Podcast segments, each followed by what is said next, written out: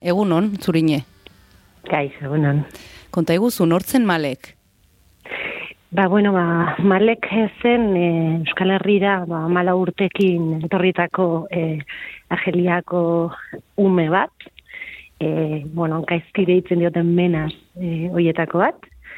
Eta malek ere zen, ba, ba ginen bere Europako e, familia, ez? E, urteak eman ditu instituzionalizatuta, nik ezak zenbat zentrotatik, e, pasa da, batetik, bestetik eta bestetik, eta, bueno, amazortzi urte zitunen, ja, e, txikia ez denez, ba, kalea, juntan, ez? Ba, bueno, ordutik e, gurekin e, bizi izan zen gauzak pasaziren, eta gartzen antzegoen e, orain dela e, bi urte, ez? Baina, bueno, ba, definitzerakoa, manik esango nuke, e, instituzionalizatuta egon den atzerriko e, ume bat, izan dela batez ere, bere Europa garaian.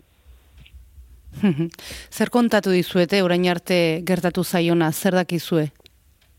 Bueno, esan behar dugu, e, azken hori eta informazio asko eman digutela, baina, bueno, tematiak izan garelako eta eta bueno, kontaktuak genituelako izan dela, ez? Guk e, dei bat, dei oso aseptiko bat jaso genuen espetzetik, e, abisatzeko e, hilda zegoela, autopsia ingo ziotela eta bos minutura ba prentzan ba zegoen, ez? Orduan e, xok horretan, e, nik informazio gehiago topatu genuela e, egunkarietan guri emandakoa baino, ez? Orduan e, bueno, orduan e, bai hasi ginen ba bai deika justizia e, bai departamentura, bueno, pizkat desesperatuta, espetxera, bueno, ez kalderan e, kaldea jakiteko, bere amari, bere ama biologikoari ere deitu zioten gartzelatik, eta bueno, ba, e, gero ja, bai atxoia pizkat ez genien, eta eman diguten informazioa dela, bueno, ba, hori, ba, bere prentzan agertzen dana, ez, bere buruaz beste eintzula e, isolamenduko ziega batean, hori nik uste berezik importantia dela, bera isolamenduan e, zegoela, eta, bueno, ba, bain arte e, eser gutzi, ez? E, lortu ingenuen, e, bueno, ba, exigitu genien bai e, instituzioei eta bai justizia departamentuari ba, laguntza familiari, Eta, bueno, ba, gauza batzuk eman digute, eta beste batzuk e, ordea ez, orduan e, orain arte hau dakigu, ez, ez ez asko gehiago. Ba, izan dugu aukera, ba, e, espetzeko medikuarekin e, biltzeko, eta espetzeko e, zuzendaritzarekin, eta ia, oza, eta editortu behar dugu oso tratu honan e, topatu ditugula, ez. Isolamenduan zegoela, hori kontuan hartzeko adela esan duzu, e, oro hartzen egoeratan e, aurkitzen zen kartzelan, e, nolakoa zen bere egunerokoa? Bai, jo, ba, guri oso e, seguratzua iruditu zaigu, zen, e, bai, bingenek eta bai, ba, guke bildugaren jendearekin, basatzen zikuten behin baino gehiagotan, ez, e, sorprendituta zeudela, ez dutela espero, suizidioaren protokoloan ez zegoen, bueno, nik esan godizuen guk daia jaso genuenean, guri ez ziguten ez narrikiera, e, hilda dago, guk bagenekien, e, esan zegutenean notizia bat eman behar zigutela, gu bagenekinen hori zala, ez, zeren asken bola dan bera oso txartu e, zegoen emozionalki, koparizko depresio batean e, zartuta, konsumoak zituen, eta gu agenekien aukera hau bat zegoela, ez tentativak egonduak zirela, etzen lehenengo aldia saiakera e, intzala, beraz, bai, ez zegoen suizidio protokoloan, baina, bueno, ukatxo esaten genien ez petzekoei, ez zegotea ez du ezan nahi, e, ondo dagoenik, igual esan nahi duena da, ba, barruan dituzuen protokoliek, hoiek kasuntan ez didela funtzionatu, ez? Zuek ez duzuela ikusi zer gertatzen ari den, uba genekien, orduan, zentzu horretan ez, e, bueno, autokritika egiteko e, momentua ere, pues, pues bada, ez?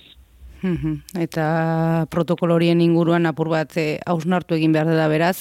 Esan duzu, Algeriakoa zela, e, bertan du familia, etorri aldira, e, zer eskenatoki aurre ikusten duzu orain?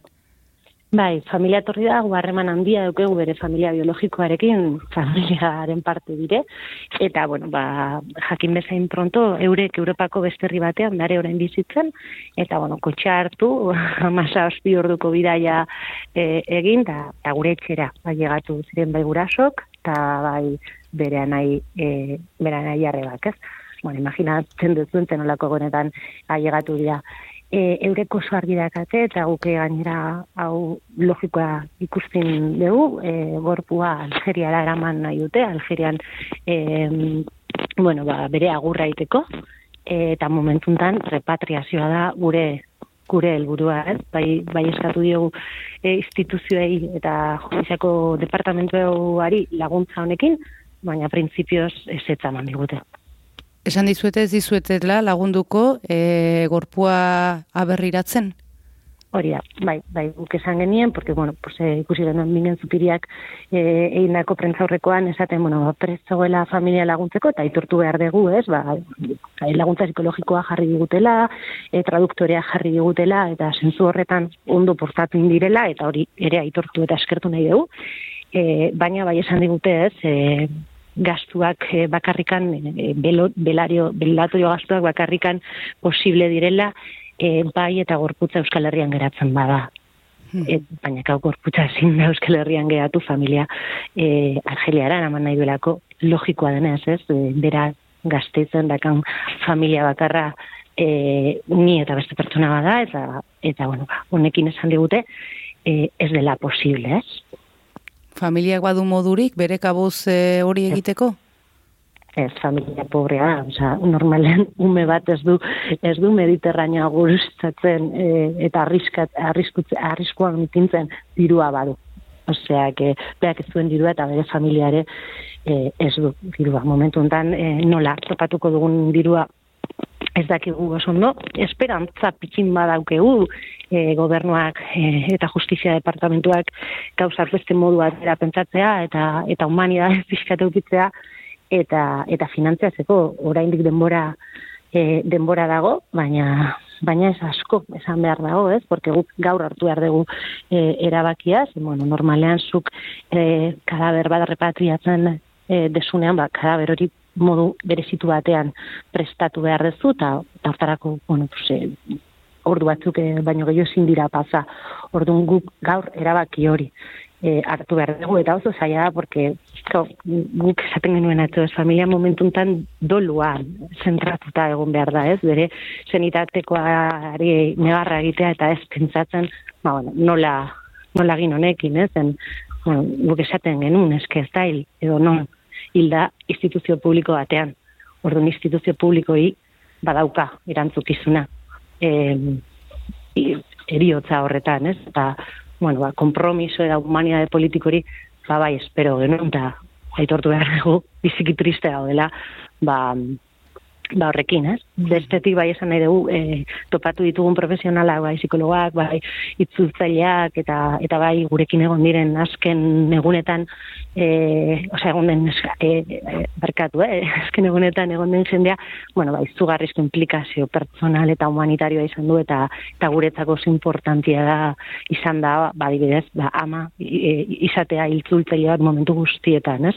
Edo lortzea, ba, e, iman bat etortzea, ba, kultura modu e, islamikoan emateko ematen, ez? Orduan, zentzu horretan ere oso eskertua gade.